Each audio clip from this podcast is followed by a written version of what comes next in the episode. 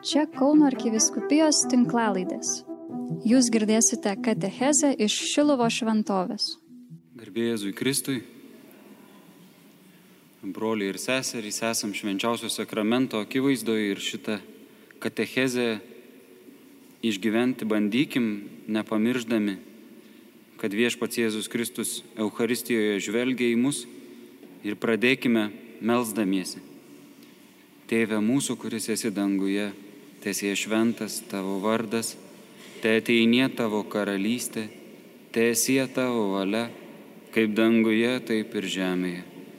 Kasdienės mūsų duonos duok mums šiandien ir atleisk mums mūsų kaltes, kaip ir mes atleidžiame savo kaltininkams. Ir neleisk mūsų gundyti, bet gelbėk mus nuo pikto. Amen atsisėsti galima. Šiandien čia tokia trumpai suformuoluota tema, gal ją irgi atsargiai išgirsti. Nėra jinai kažkaip čia agresyviai pateikiama, bet tiesa ir ginčiai. Ir apie tiesą kalbėti mums tenka dažnai bažnyčioj Bet tai ne dėl to, kad dažnai kalbam nepalengvėja užduotis apie tai kalbėti ir galvoti. Ir nenustoja to, kad kalbėti apie tiesą yra pavojinga. Bet mes turim vėl bandyti. Ir randam mūsų katekizme tokį sakinį, kur sakoma, kad kadangi Dievas yra tiesia kalbis, jo tautos nariai yra pašaukti gyventi tiesoje. Įvardintas mūsų pašaukimas gyventi tiesoje. Ir kai mes apie šitą pašaukimą kalbam, nenumažinant savo atsakomybės ir to pašaukimo svarbos, kad mes esam pašaukti ir turime visom jėgom bandyti gyventi tiesoj, viena iš širdies pozicijos dalių vis tik turėtų būti, kad mes, mums nesiseka tai daryti. Net jeigu auklėjame savo visuomenę ar, ar sakome savo viduje bažnyčios bendruomeniai, kaip dalykai turėtų būti arčiau tiesos, mums tą darant labai svarbu atsiminti, kad mes vis tik tais, mums nesiseka pagal šitą pašaukimą gyventi. Tai kartais sumažina tikrai tokį kalbėjimo agresyvumą ir kartais leidžia pasiekti daugiau, o ne mažiau. Bet mes esam pašaukti gyventi tiesoje. Ir mūsų susirinkimas tiek toks matomas, kada renkamės į maldą, ar žvelgti Jėzų Euharistijoje, ar melstis mišiuose, ar bet kokią kitą bendruomeninę maldą, kurioje regimų būdų susirenkam, tiek mūsų susirinkimas kaip buvimas. Mes kaip bažnyčia visada esam susirinkę surinkti Krikšto sakramento dėka į bendruomenę ir visada esame kartu. Taigi mūsų susirinkimas yra apie tiesą. Mūsų susirinkimas yra dėl tiesos ir kartu yra mūsų susirinkimas visą laiką tokiu vektorium kryptimi į tiesą. Vėl katekizmas sako, kad savo mokinius Jėzus moko besąlygiškai mylėti tiesą. Nu galbūt čia tokių e, nebūtinai, kad tiesiai tikslių teologinių išaiškinimų, bet tokių dvasinių mąstymų galėtumėm žiūrėti šitą sakinį ir išgirst, kad jeigu Jėzus kažko mus moko, tai vadinasi mes dar nemokam, nors turėtumėm galbūt. Nors tas krikščionio vardas ir, ir sakramentai, kuriuos priėmėme ir nuolat priėmėme, mūsų įpareigoja stipriai sekti šitą pašaukimą, bet mes nuolat esam mokomi Jėzaus besąlygiškai mylėti tiesą. Ir dar daugiau katekizmas vėl toliau kitoj vietoj sako, Jėzaus mokinys gyvena jo žodžiais, kad pažintų tiesą, kuri išlaisvina ir pašventina. Jėzaus mokinys gyvena jo žodžiais, kad pažintų tiesą, kuri išlaisvina ir kuri pašventina.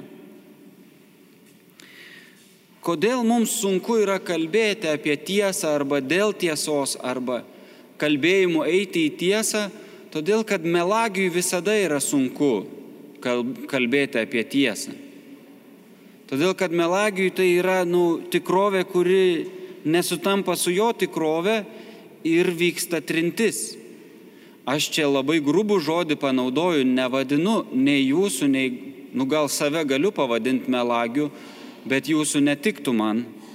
Bet aš apie save kalbėdamas, kodėl man sunku kalbėti apie tiesą, drįščiau pasakyti dėl to, kad melagiui sunku kalbėti apie tiesą.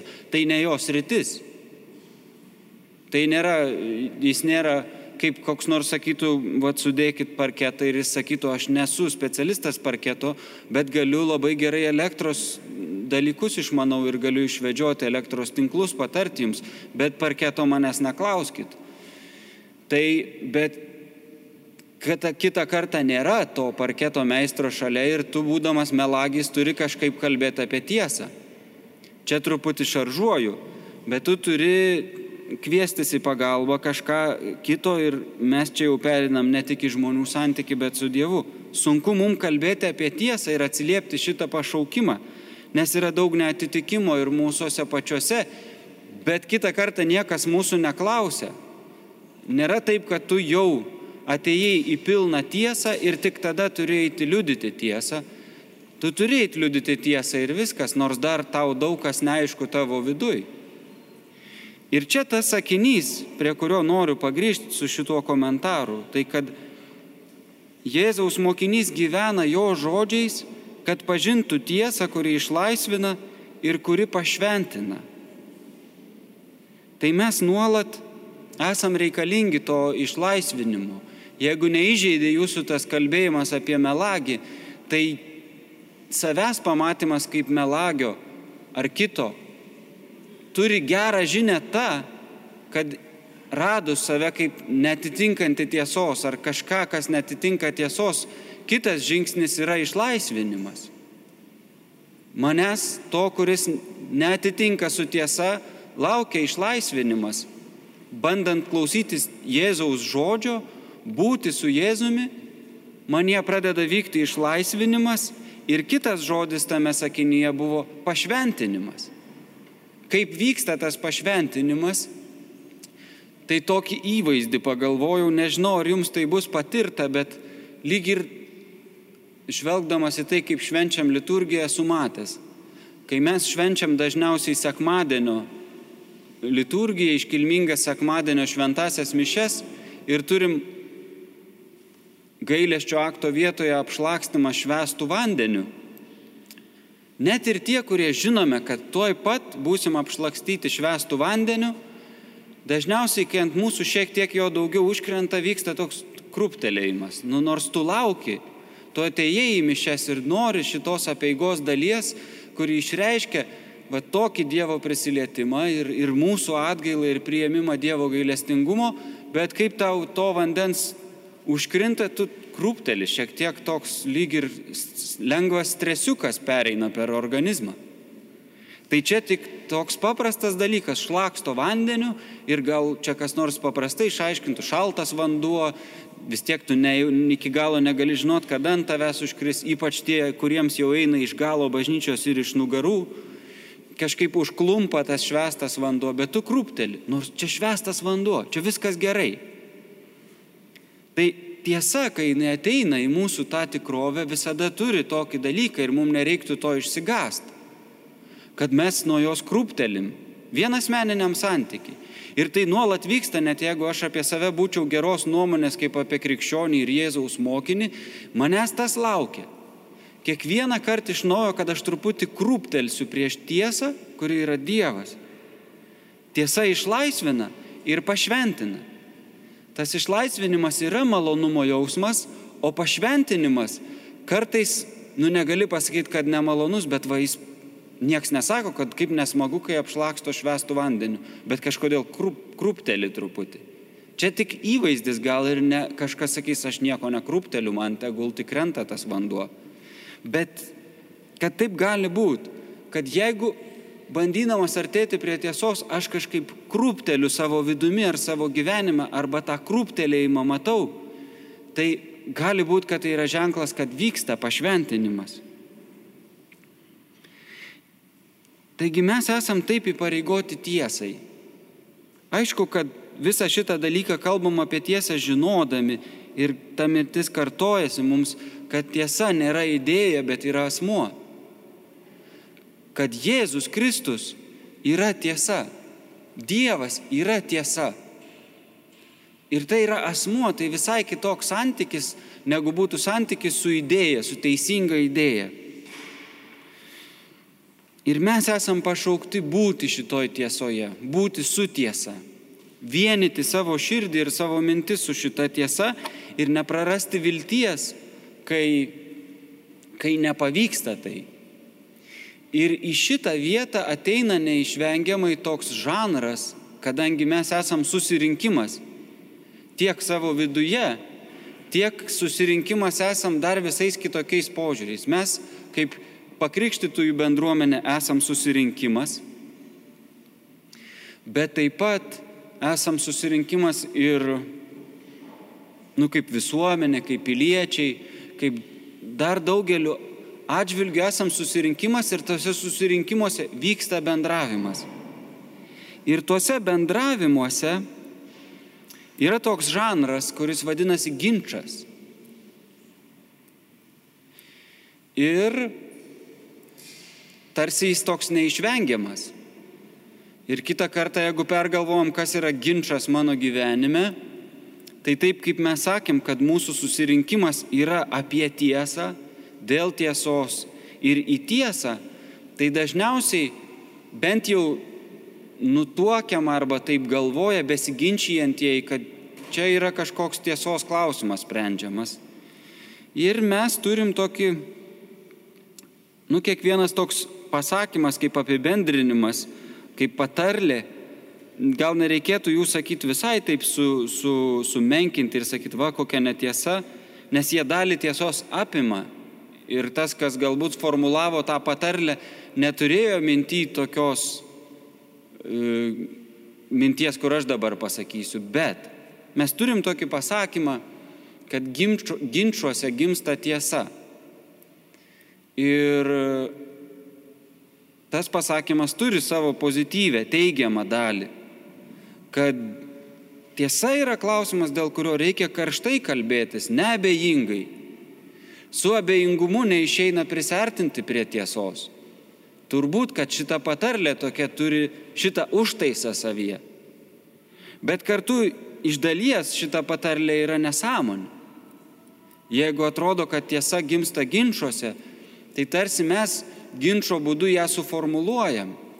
Bet iš tikrųjų mes tiesos neformuluojam. Mes tiesą atrandam. Mes žvelgdami čia į Jėzų švenčiausiame sakramente žinom, kad tiesa gimsta Betliejuje mums regimų įsikūnijusių būdų. Ir dar žvelgdami į savo tikėjimo teologiją mes suprantam, kad tiesa iš vis niekada negimė, ji visada buvo. Tai yra Dievas. Ginčiuose mes nebent galime atrasti tiesą. Ir neretai mūsų ginčas, kaip mes jį esame įpratę matyti, tokia neigiama prasme ir tiesą sakant jį visai neig, negatyviai išgyventi tą ginčą, atsinešti į ginčą, tai ginčas tam tikrą prasme turi tapti kažkuo kitu, kad galėtų būti priemonė pažinti, atrasti tiesą. Ginčas, kuris mus ištinka kartais būtiniam lygmenį, kartais kažkokiam gal labiau organizuotam lygmenį kaip bendruomenė, dažniausiai turi būti šiek tiek perkeistas kiekvieno besiginčijančio pastangomis, kad galėtų būti ta priemonė, kurios dėka mes išsiaiškiname, atrandame tiesą, priartiname savo širdį asmeniškai ir bendruomeniškai labiau prie tiesos. Ir čia yra toks dar vienas dalykas, tuose bendruomenėse bebūnant mums, ar savo parapijos bendruomeniai, ar visos išgyvenant save kaip visos bažnyčios bendruomenė, dabar tą nari tos bendruomenės, dabar tą neretai žmonės išgyvena virtualiam pasaulyje, kalbėdamėsi apie įvairias temas, kaip va, ir esam arčiau vieni kitų ir galim diskutuoti ir rūpintis ir ar pyk, su tokiu pyktelėjimu, ar nuosaikiau, bet yra kartais tokia nuotaika tose bendruomenėse bebūnant ir mes esam tokį pasakymą irgi turim, kad nėra teisybės. Nėra teisybės čia. Ir nu vėl, šitas pasakymas neturi tokio, galbūt ką aš dabar pasakysiu, tokios dalies, bet gali netyčiom paslapčia nešti tokią nekrikščionišką labai nuotaiką. Sakyt, kad nėra teisybės, su tuo, ką aš prieš tai pasakiau, galit nutuokti, ką gali reikšti. Aišku, kad tas žodis teisybė mums lietuvių kalboje kitką reiškia, nekalbam apie tiesą, bet tokios teisybės nėra mūsų ryšio, ryšiuose, santykiuose, aplinkoje.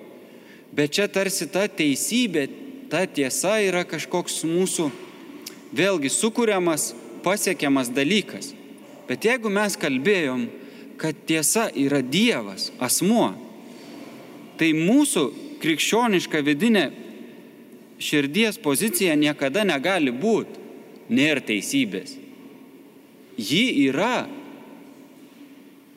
Tiesa visada yra, tik kažkodėl vienu ar kitu atveju mes jos nematome, nerandame.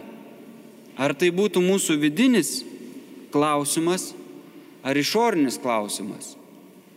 Bet mes krikščionys kaip vilties žmonės, nu čia turim rimtą uždavinį, mes negalim pasiduoti tokiai nuotaikai, nėra teisybės, kuri yra gali būti, gal ne visada yra, ne, ne kiekvienas žmogus, kuris sako, nėra teisybės, tai gali būti jo nusiminimas ir troškimas kažką daryti, skausmo išgyvenimas. Kiekvienas toks skausmas pirmą tikrai dažnai atneša apatiją, tokį negalėjimą nieko pakeisti ir užsidarimą. Bet ar maldomis, ar darbais mes iš tikrųjų kaip krikščionys esame kviečiami gyventi gyvenimą be, be širdies nuostatos, kad nėra teisybės.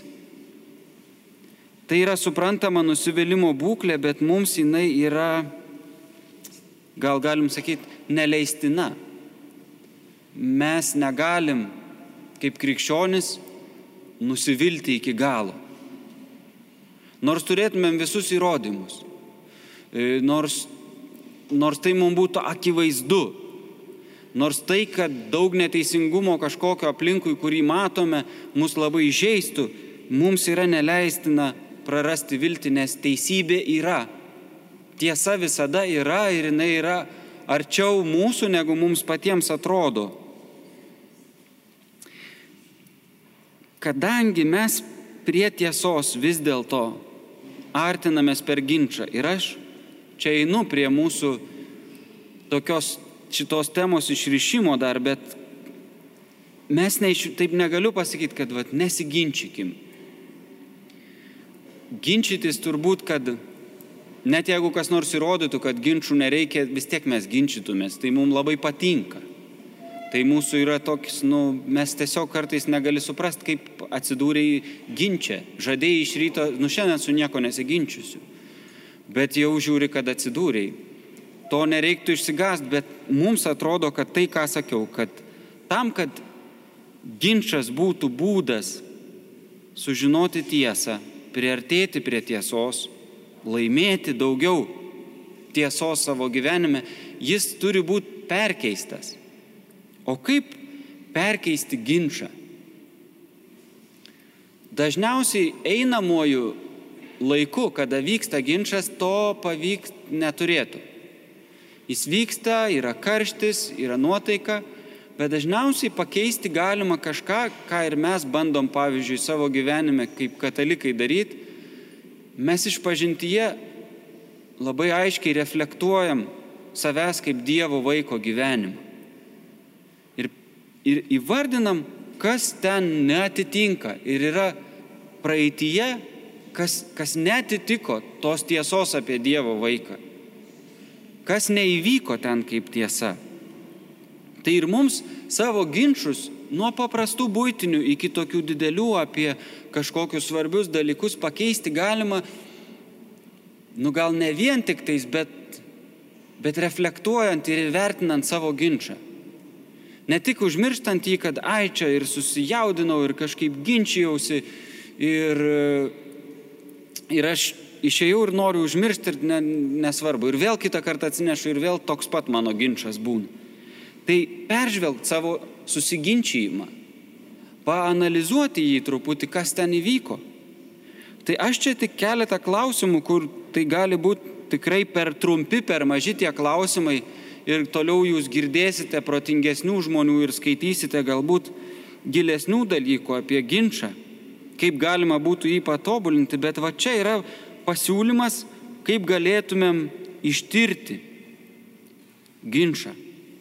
Tai pavyzdžiui, turėjau kokį nors ginčą kažkokiu klausimu, gal nebūtinai, bet ir būtinį paprastą ginčą galiu taip paanalizuoti, nurimęs vienas, kur aš galiu savęs paklausti, ką aš išgirdau.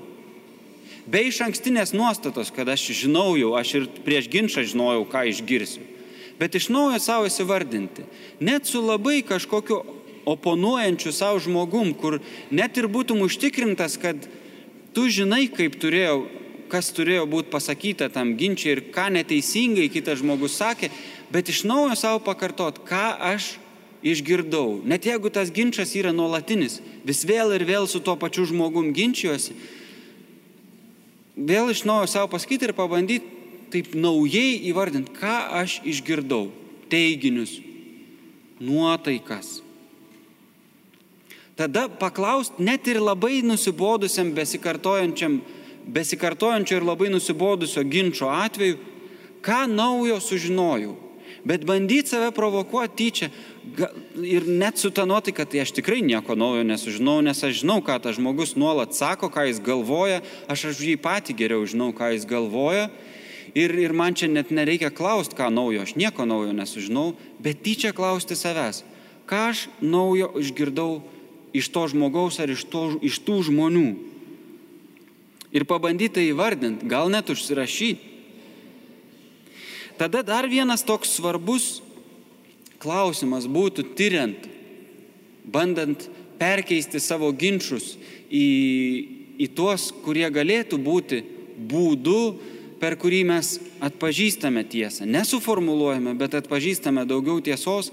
Tai pavyzdžiui, paklausti savęs, kur aš tame ginčia, gindamas kažkokį tai teiginį, tiesą, tikrovę, perspaudžiau tyčia.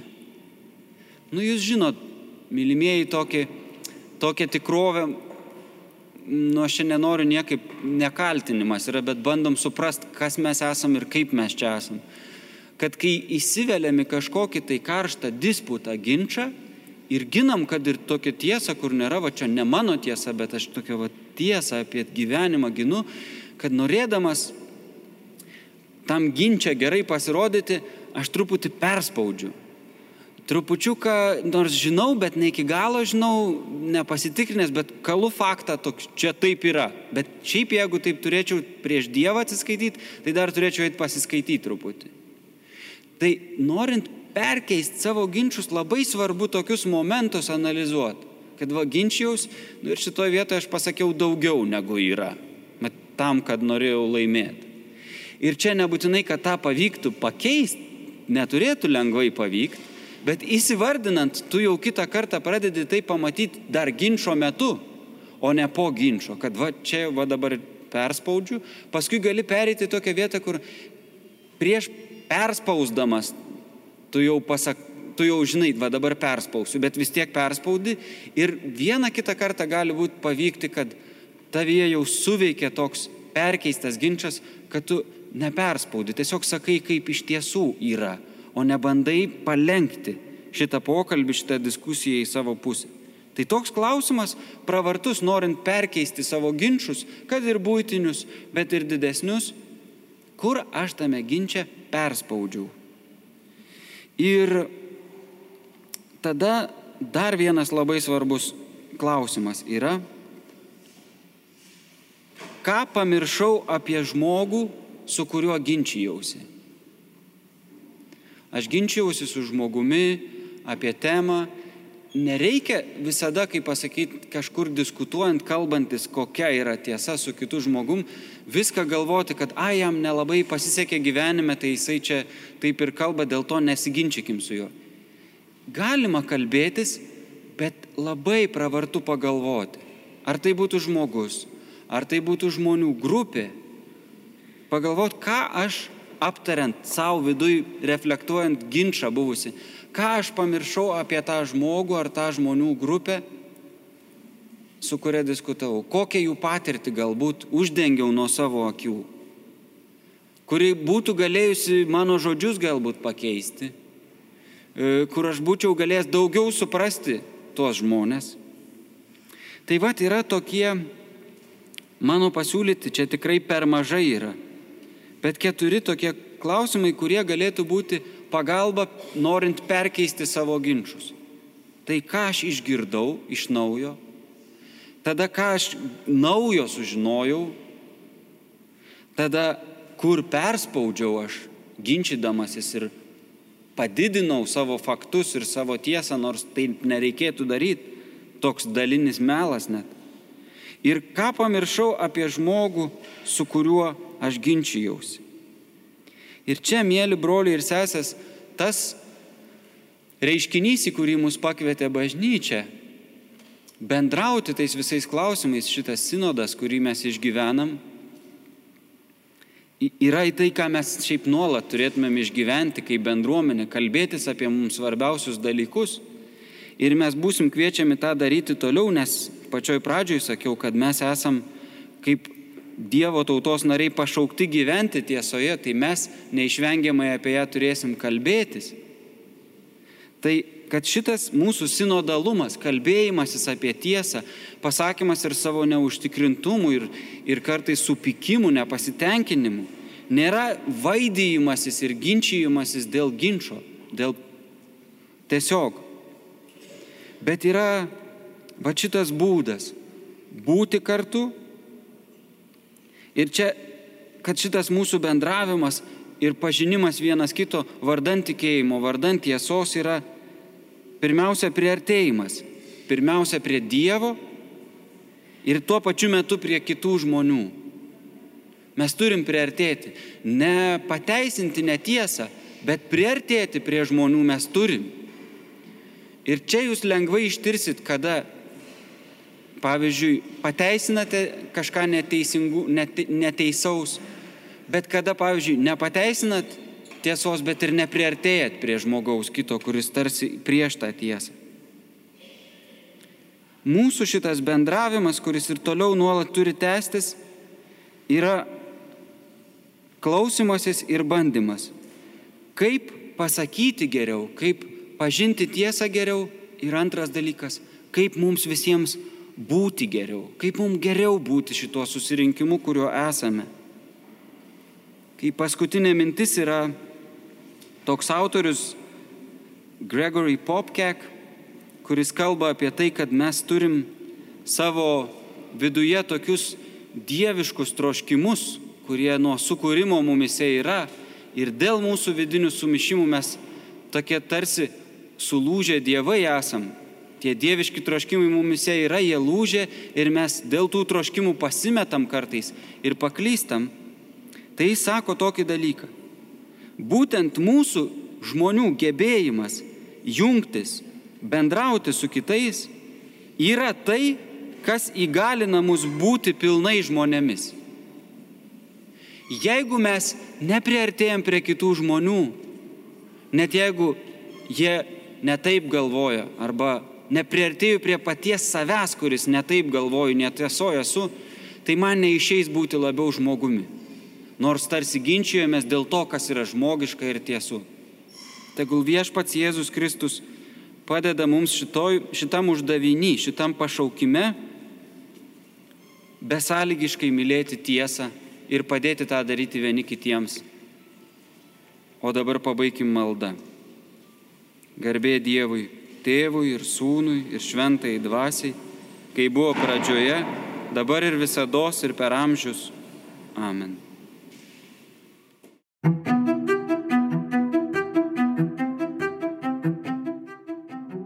Jūs girdėjote katechezę iš Šilovo šventovės. Čia Kauno arkiviskupijos tinklalaidės. Sekite mus ir prenumeruokite.